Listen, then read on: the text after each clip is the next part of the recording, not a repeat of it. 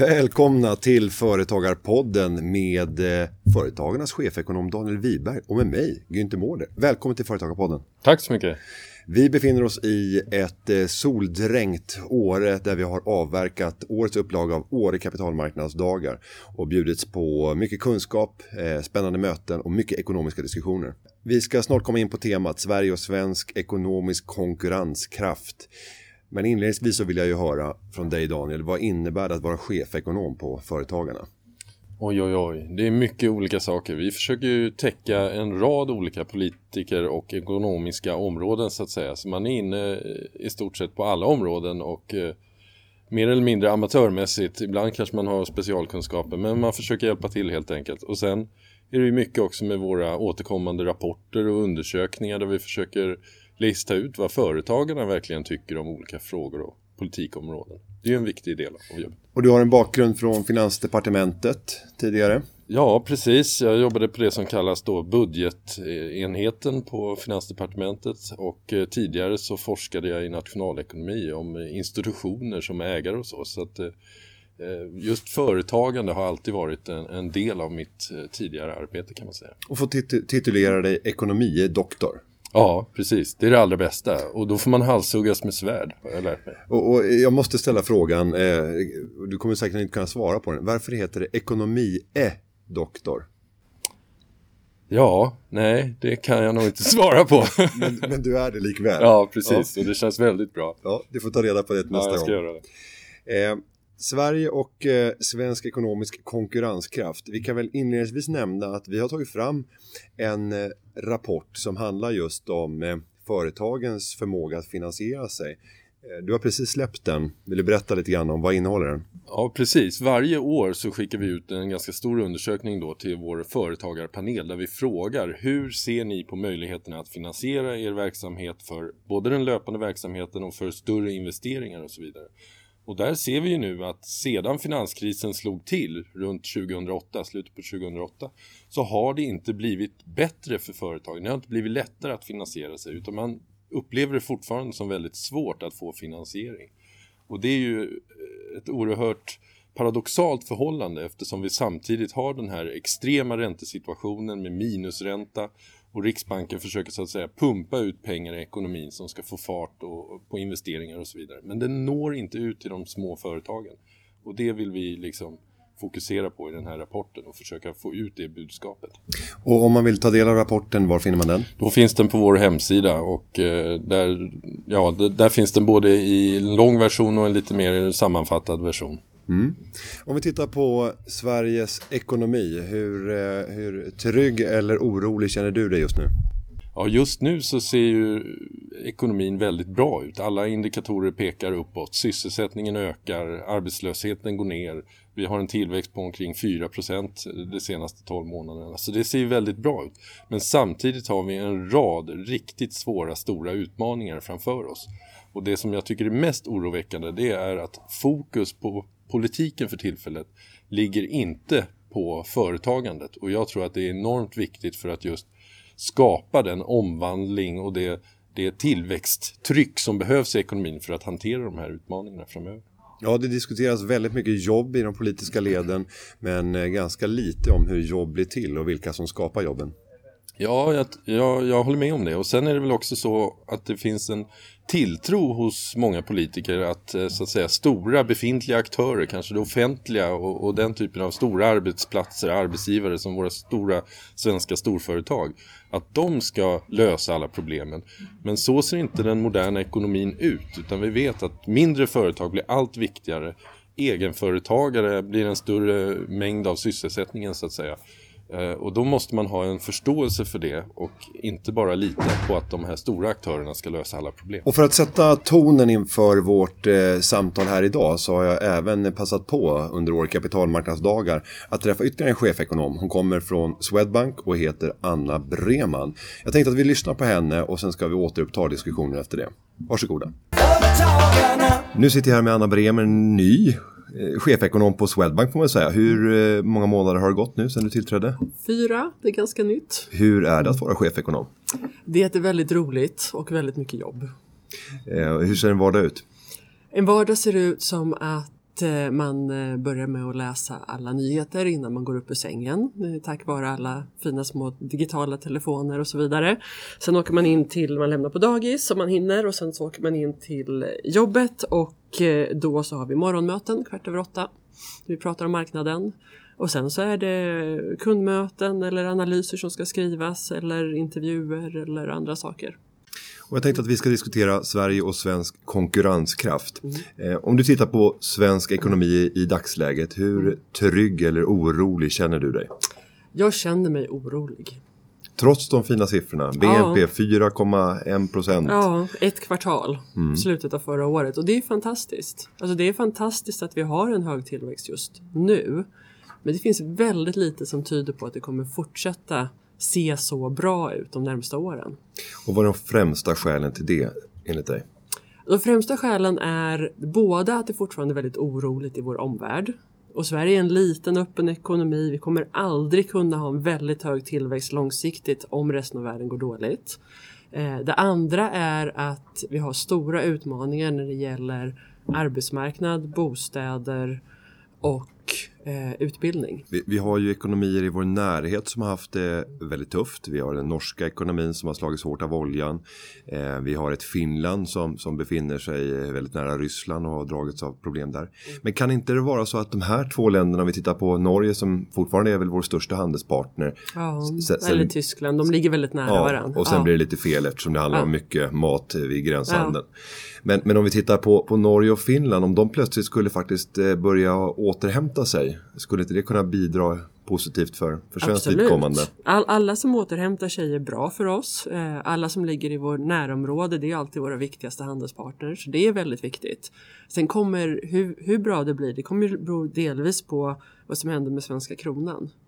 Och det, allting tyder på att vi kommer ha en kronförstärkning framöver. Vi fick ju en jättefin skjuts i exporten förra året för att kronan försvagades liksom 14 och början av 15. Men den kronförsvagningen kommer ju gå tillbaks nu mot en kronförstärkning. Och då, då blir det ju tuffare för exportföretagen igen. Och, och trots att Riksbanken jobbar hårt för att pressa ner kronans Mm. värde, tror du inte att man kommer lyckas i den uppgiften? Nej, man kommer ju inte kunna fortsätta att pressa ner kronans värde från de här nivåerna. Alltså nu, nu ligger man redan på minus 0,50 i reporäntan och man har köpt en tredjedel av svenska stocken av statsobligationer. Eh, det är inte så mycket mer Riksbanken kan göra i det här läget för att pressa ner kronan. Förutom direkta valutainterventioner och det är kontroversiellt. Sällan lyckats. Ja, så att, alltså, svenska företag är väldigt konkurrenskraftiga. De är bra. De kommer klara att kronan går lite starkare. Det, det tror jag definitivt att de kommer göra. Men jag menar att de kommer inte få den här skjutsen de fick under förra året av en kronförsvagning. Så att jag tror nog definitivt att vi kommer se en fortsatt eh, bra export. Jag hoppas den blir riktigt god. Ehm, men det hänger väldigt mycket på att omvärlden då faktiskt är igång och efterfrågar våra varor. Och om vi tar Sverige i ett eh, långsiktigt perspektiv så har ju Sverige blivit ett rikt land på ungefär 100 år. Eh, och det är ju exporten som har skapat den här, eh, det här rika landet. Vad är det som talar för att exporten kommer att kunna vara fortsatt drivande när vi tittar framåt för de kommande 20 åren? Om vi tänker i lång, långa drag. För Sveriges export har inte imponerat. Om vi tar Nej. de, de senaste decennierna. Nej, förutom då förra året då det gick bra. Nej, men jag tror ändå att alltså, vi har en, vi har en, eh, en konkurrenskraftig eh, företagssektor i Sverige. Det har vi. Vi har många företag som ligger i framkant och det, det de har gjort som är väldigt rätt är att man går mot tjänsteexport. Det har ökat mycket. Och det, det tror jag på. Det, det tror jag kommer fortsätta att finnas. Men frågan är om det kommer vara tillräckligt mycket för att driva hela ekonomin långsiktigt. På längre sikt så brukar man ju säga att det som, som driver ekonomin det är ju liksom hur stor arbetskraften är och hur produktiva vi är. Eh, och arbetskraften den, kommer ju, den har ju ökat mycket i Sverige för att vi har haft en hög invandring. Och det har ju varit bra. Eh, men framöver så går vi mot en åldrande befolkning så du kommer inte få samma bidrag från det framöver. Och sen har vi produktiviteten. Och den har ju varit jättesvag eh, i Sverige. Den har varit svagare än i många andra jämförbara länder. Och där är jag orolig att vi inte tillräckligt mycket satsar på att stärka utbildningsnivåer, innovationsklimatet, företagsklimatet så att produktiviteten kan komma igång igen. För den är jätteviktig för tillväxten på längre sikt.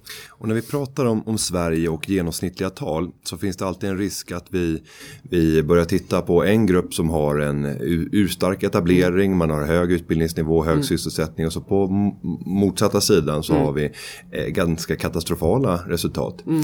Och, och, i genomsnitt så kommer det vara ganska bra. Ja. Eh, om vi ser det på det viset. Ja. Skulle vi behöva för debattens vinning dela upp eh, svenskarna i tredjedelar eller liknande, titta i percentiler för att få en bättre diskussion. Ta PISA-resultaten ja. är en sån sak. Där vi har faktiskt den bästa tredjedelen presterar ju väldigt fina resultat. Mm. Men botten tredjedelen mm. Är katastrofala resultat.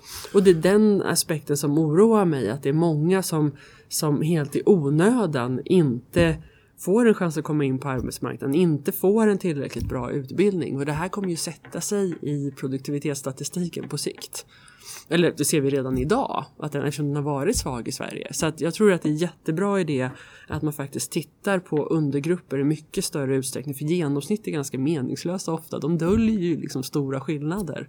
Och, och, och, och det, är där man, det, det är det jag menar att det är där vi kommer ha utmaningen när det gäller arbetsmarknaden. Att få de grupper som har svårast att komma in på arbetsmarknaden, de måste få en chans att komma in på svensk arbetsmarknad. Och de som har dåliga skolresultat, det, det, är ju ingen, det är ingen, det är inte brist på förmåga hos de människorna. Det är ju, det är ju faktiskt en, en, en brist i, i systemen och det, det tycker jag är jättesorgligt. Man ska, ska ju tillvarata den kompetensen som finns. Och ser vi på det svenska skattesystemet så har vi ju bland de högsta arbetskraftskostnaderna när vi ska köpa tjänster mm. som mm. privatpersoner. Mm. Ehm, du talade tidigare här på, på kapitalmarknadsdagarna om, om behovet av vidgade rutreformer och, och mer, mer eh, att, att återställa beloppet och kanske gå ännu längre. Finns det andra typer av reformer? För att RUT och rotavdraget är ju bara så att säga, ett, ett, eh, en reform för att lappa ihop någonting som i grunden är fel behövt en större reform? Ja, det är en jättebra fråga. Jag tror att man måste gå på flera fronter samtidigt. Eh, och jag tror att, jag tror att ROT och RUT-avdragen är en effektiv form för att det du gör det är att du ändå sänker kostnaden för att anställa markant. Och gå och försöka få samma kostnadsminskning eh, genom exempelvis att sänka lönerna, det tror jag kommer skapa en massa andra problem som inte vi som samhälle vill ta. Så jag tror faktiskt att du kommer kanske behöva en anpassning av lönenivån under en längre tid. Men ROT och RUT är väldigt bra för att snabbt kunna bredda tjänstesektorn och få in fler människor som annars kommer ha väldigt svårt att få jobb. Jag tror att du behöver ha en långsiktig anpassning och samtidigt reformer nu som gör att, för grejen är ju också att när du väl kommer in på arbetsmarknaden och får ett jobb då blir du ju mer anställningsbar även på längre sikt och då kommer du även kunna ta en högre lön där du inte behöver ha en, en subvention i botten. Så att det här är ju ett sätt att få in folk på arbetsmarknaden. Samma sak med praktikplatser. Vi har ju egentligen jobb och unga jobb. Det, det ger faktiskt jobb. Man måste få en chans. Och, och, arbetsmarknaden kan ju också förändras rätt dramatiskt till följd av den digitala teknik som nu förenklar matchningen. Mm. Vi ser inom flera branscher hur eh, matchningstjänster gör att eh, man kan komma åt egenföretagare. Mm. Eh, och det möjliggör ju att man med hjälp mm. av en FA-skatt mm. faktiskt kan börja komma in mm. och dumpa lönerna för att mm. få ett jobb. Och att vi får en, en ska man säga, en, en arbetande underklass med FA-skattsedel i, i handen. Vilka risker ser du för att det kommer växa fram en sån här typ av, av eh, stor grupp på ja, arbetsmarknaden. Jag, jag ser både risker och möjligheter. Jag tror det här, det här tycker jag är en av de absolut mest intressanta trenderna vi har just nu. Vi ser det globalt. I Storbritannien ökar egenföretagandet mycket, även i USA, mycket relaterat till nya digitala plattformar. I Sverige börjar det komma, eh, men den statistik jag har sett så ser vi inte att de som är helt egenföretagare som bara gör det ökar så mycket utan det är framförallt kombinatörerna. De som har någon form av anställning och någon form av egenföretag. Det exploderar. Och där, eh, och även det som du pratar om liksom i, en, i tjänstesektorn komma in och bli egenföretagare. Jag, jag förväntar mig att vi kommer se mycket mer av det. Och det vi måste göra för att jag tror att det kommer bli så vare sig vi tycker det är rätt eller inte. Men då måste vi anpassa systemen så att det blir bra. För, för möjligheten att vara egenföretagare som är en fantastisk möjlighet för många individer. Många som kommer vilja gå åt det hållet. För man kan själv bestämma över sin arbetstid och sitt arbetsutbud och så vidare. Och det, det är väldigt positivt. Men det vi behöver göra det är ju att se över både systemen som gör att det blir lättare att se till att det blir vit arbetskraft Eh, det vill säga att man skulle kunna ha, eftersom allting här sker via digitala plattformar, då kan man ju matcha det med Skatteverket och låta all administration skötas jätteenkelt och smidigt. Så att inte individen behöver tänka på komplexa system. Sen kan du dessutom ha eh, att socialförsäkringarna görs om så att, de här, att, att, att det blir lättare. Jag tycker att de som är kombinatörer som eh, jag har en god vän som är musiker och biografskötare. Eh, det blir väldigt komplicerat när man behöver vabba eller vara föräldraledig. Eh, och det är ju inte för att det inte finns en inkomst där utan det är för att det är så komplicerat hur man räknar ut det. Man kan gå mycket mer och bara titta på historiska inkomster istället. Och då får man så att man liksom lättare faktiskt kan vara del av de svenska systemen. Så sådana typer av reformer måste vi börja göra nu. För jag tror att det här egenföretagandet kommer att öka kraftigt de närmaste åren. Och, och när vi pratar nyföretagande mm. så är det ju ofta en siffra som politiker skryter med när det mm. ser fint ut. Och fint mm. det är lika med en hög eh, numerär av, mm. av nystartade företag. Sen behöver inte det vara speciellt eh, positivt om vi tittar vilka som har högst andel företagare i Europa så hamnar vi i södra Europa ja. och framförallt då i Grekland. Nej. Det kan ju vara ett resultat av att man har en ekonomi som är satt i sank och, och svårt att Precis. ta sig in på arbetsmarknaden. Precis. Och så vidare. Mm. Och det är det jag menar att då när man liksom ser att det kanske finns teknologiska förändringar som gör att det här kommer öka av sig självt då får man ju se till att man anpassar systemen så att det inte blir ett negativt scenario, att det inte blir att vi har ja, en italiensk eh, situation eller en, att det liksom blir en negativ egetföretagande utan man ska göra, det göra någonting positivt av det. Och där har ju vi möjligheter, vi har ju så bra system med att vi har våra enkla personnummer, vi har våra bank-id och så vidare, då får man ju utnyttja det. Och om vi tänker på hur man kan driva politikerna i eh, den här frågan mm. så kan man ju fundera över om eh, vi skulle kunna börja redovisa tal över mm. antalet framgångsrika eller ska vi säga mm. lönsamma och stabila företag i Sverige. Mm. Jag skulle tro att den numerären stannar vid 250-300 000. Mm. Men någon sån typ av tal redovisas inte offentligt. Nej. Är det någonting som du sitter med som, som chefekonom? Nej, tyvärr inte. Jag skulle jättegärna vilja se mycket mer data och en förändrad syn på företagen när det gäller insamling av data. För det är ett av de områden som vi ändå finner att det är svårt att hitta det. Alltså frågar man i AKU och de här vanliga arbetskraftsundersökningarna då finns inte riktigt det. Så att jag tycker att här är ju liksom givet att jag tror att det här kommer vara en ökande del av svensk ekonomi så tycker jag det är jätteviktigt att man börjar förstå också den delen av ekonomin mycket mer. Och ni tar ju fram bra data, man ser hur många, hur mycket småföretagen står för nyanställningar och så vidare. Att det här måste vi ju lyfta fram och prata mycket mer om. Och Anna, jag mm. hoppas att få bjuda in dig till Företagarpodden framöver för det här är intressant och det är viktigt och det är härligt att få prata med dig som är pedagogisk och, och klar i din, både din uppfattning och i din leveransförmåga. Mm, så, så stort mycket. tack för att du kom hit. Tack så jättemycket. Ja, välkommen tillbaka Daniel. Eh, Daniel Wiberg, chefekonom på Företagarna. När du eh, lyssnar till Anna, gör du samma reflektion som jag? Hon hade lika gärna kunnat vara anställd av Företagarna. Ja, det hade varit jättebra. Vilken härlig kollega. Ja, och hon har ju inte betalt för att säga det hon, det hon säger. Men många av de reformerna, håller du med mig när jag säger att det, det är precis i linje med den uppfattning som vi har? Ja, jag tycker det. Och sen tycker jag också att Anna på ett väldigt bra sätt ger uttryck just för att för de här utmaningarna som vi ser framöver. Att eh, Sverige är en liten öppen ekonomi så vi måste på något sätt lära oss att hantera det här. Och för svensk del tror jag att en stor del av den här utmaningen framöver det är just det här hur vi får folk in i arbetskraften, hur de får en erfarenhet av att vara ute i det svenska samhället. Och där blir ju företagarna oerhört viktiga och därför måste vi också ha en näringspolitik som matchar det, som skapar de förutsättningarna. Där tycker jag verkligen att Anna på ett bra sätt liksom tänker i samma banor som vi försöker göra här. Eh, Anna efterlyste ju precis som, som vi mer och djupare statistik när det gäller Sveriges företag för att kunna göra djupare analyser över framförallt hur många och hur ser de ut, de framgångsrika, lönsamma och stabila företagen i Sverige. Vi mäter ju i princip bara nyföretagandet som sådant och politiker talar om det. Va, vad har du för syn när det gäller möjligheten att ta fram den här typen av, av eh, statistik för att kunna göra bearbetningar och göra analyser sen? Ja, för det första har vi ju redan idag i Sverige en enorm mängd av statistik och data. Det samlas in överallt så att säga i det svenska samhället. Men man måste också göra datan tillgänglig. Och, och, där tror jag också användbar så att säga.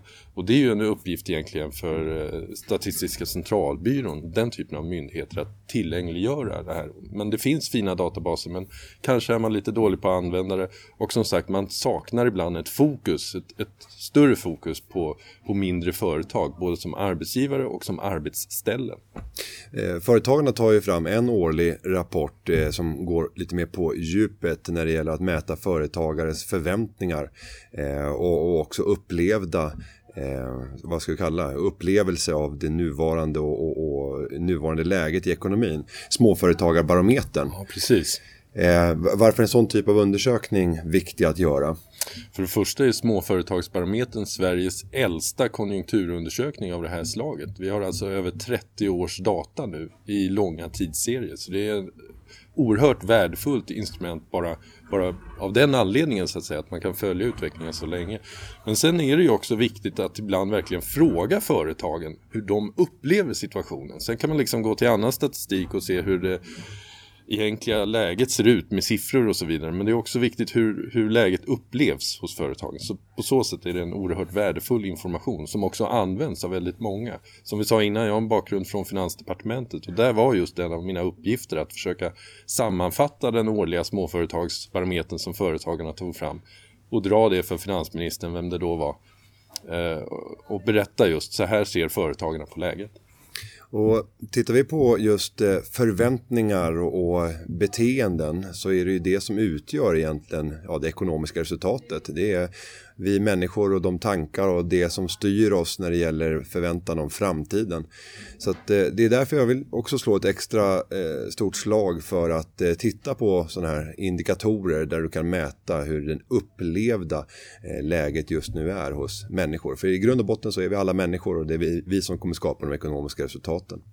Men om vi går tillbaka till, till Anna och de frågor som hon berörde, var det någonting ytterligare som du fastnade på? Ja, jag tyckte också hon har en väldigt klok poäng om de här rot och rutavdragen. De är ju förstås väldigt viktiga för oss. Det är ju en av de stora frågorna vi driver. Att det är både en viktig väg in för folk som har kommit till Sverige att komma in på arbetsmarknaden och få erfarenhet. Det är också ett, eh, ett viktigt instrument för blivande företagare så att säga. Man kan börja i en liten skala samtidigt är det ganska lätt att skala upp det till lite större företag som dessutom kan bli väldigt lönsamma. Men ett problem med det är ju också att man måste tänka ut så att säga hur man kan bredda de här avdragen. Här har vi ju då, tyvärr sett att regeringen har valt att idag eh, så att säga begränsa avdragen snarare att bredda dem. Sen får vi se, det där tror jag man kommer, måste se över nu framöver. Men det handlar också både för oss som organisation men också för politiker att fundera på hur vi kan bredda de här, den här typen av avdrag och jobb. Alltså vilka, vilka typer av jobb ska ingå i de här tjänsterna. Och, och tittar vi just på ROT och RUT-avdraget så är det ju ett sätt att försöka lappa ihop ett eh, skattesystem som inte fungerar. Vi har för höga kostnader när det kommer till eh, eh arbetskraftskostnader när man säljer tjänster till hushåll. Eh, behövs det en ännu större reform för att komma till rätta med det? För visst kan man lappa med reformer men till slut så blir det lite väl, väl många tilläggs, eh, tilläggsreformer och undantag. Jag tror det vore väldigt bra att, eh, att man gör en större översyn av hela skattesystemet för att lite grann hitta tillbaka till rötterna. Eh, ofta när man hör politiker nu så brukar de prata om 90-talets reformer. Och då var det just så att man satte sig ner och gjorde stora övergripande reformer som så att säga förenklade hela systemet. Idag har vi kommit en ganska lång bit ifrån det ursprungligen enkla systemet och har då det här lapptäcket av olika lösningar och avdrag och, och så vidare, momssatser och, och så vidare.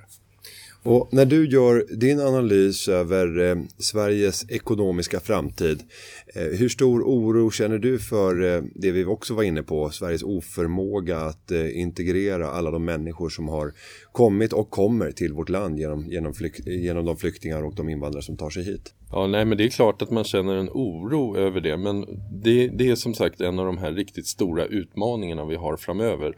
Och just nu är jag orolig för att man inte tar det på tillräckligt stort allvar.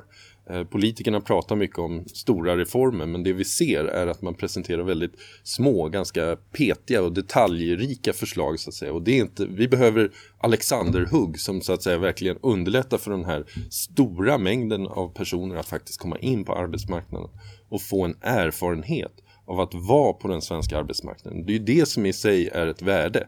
Att ha varit på en svensk arbetsplats, vet hur det fungerar, vet hur svenskar fungerar. Och för oss som svenskar blir det också mycket läskigare då än om man bara, eller mycket mindre läskigt ska jag säga, än om man bara träffar på en person på gatan och aldrig har någon så att säga interaktion med de personerna.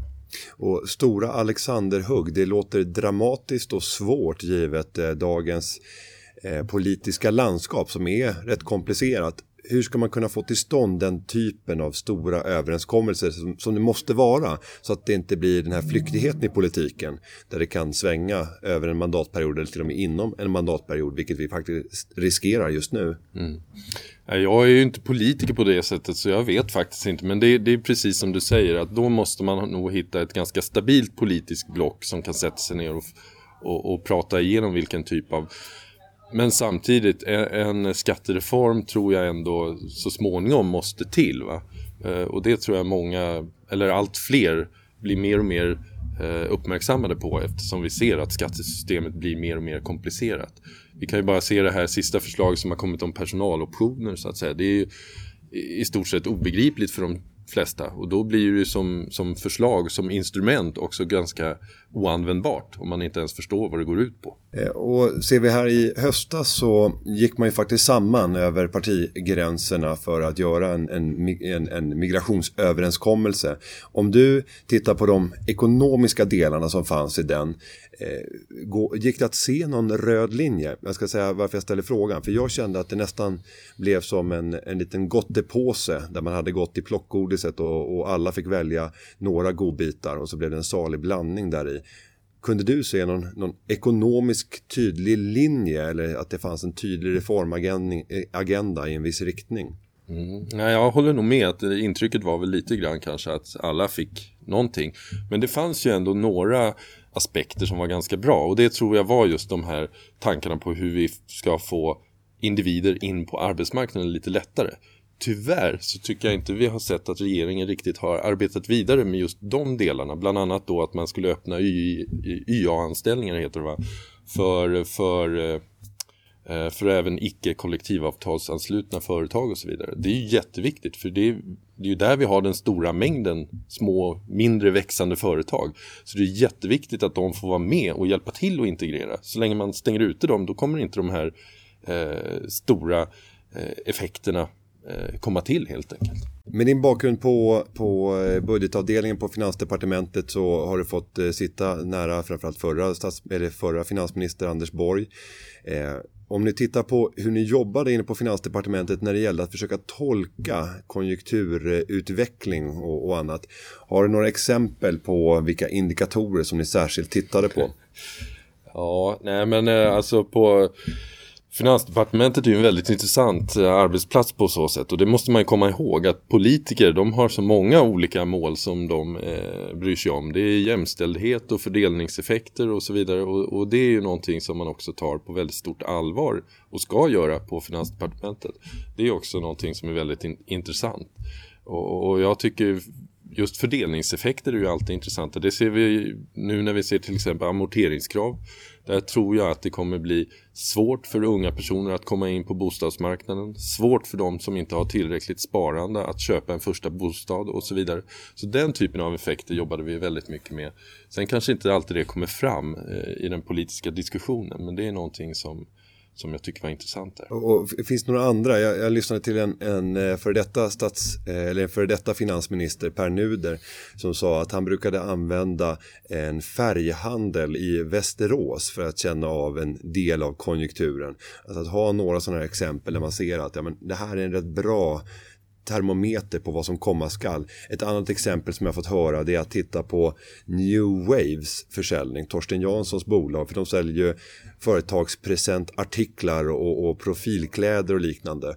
Och i goda tider då ödslar man med sådana här typer av saker och så fort man förväntar sig att det kommer bli lite sämre, ja, då drar man omedelbart in på det.